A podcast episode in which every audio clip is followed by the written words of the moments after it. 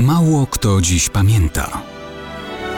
Datownik historyczny prezentuje Maciej Korkuć.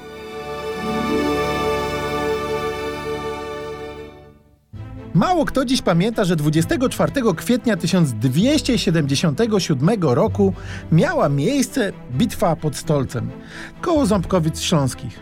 Kto walczył?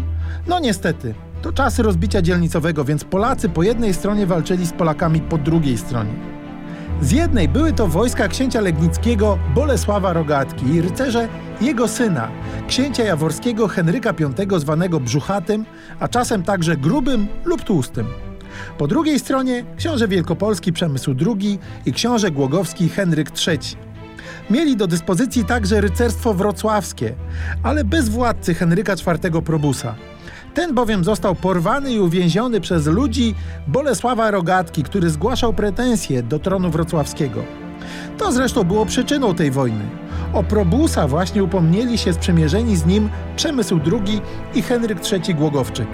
Negocjacje w sprawie pokojowego uregulowania sporu nie przyniosły żadnych rezultatów. 24 kwietnia 1277. Pod wsią Stolec stają rycerze poznańscy, głogowscy i wrocławscy z Przemysłem II i Henrykiem III na czele. Naprzeciw nich legnickie wojska Rogatki i Henryka V. Rozpoczyna się bitwa. Jest tak zażarta i krwawa, jakby walczyli przeciw sobie najwięksi wrogowie. A przecież wszyscy pochodzą z rozrośniętej dynastii Piastów. Najpierw wygrywają wojska Przemysła II.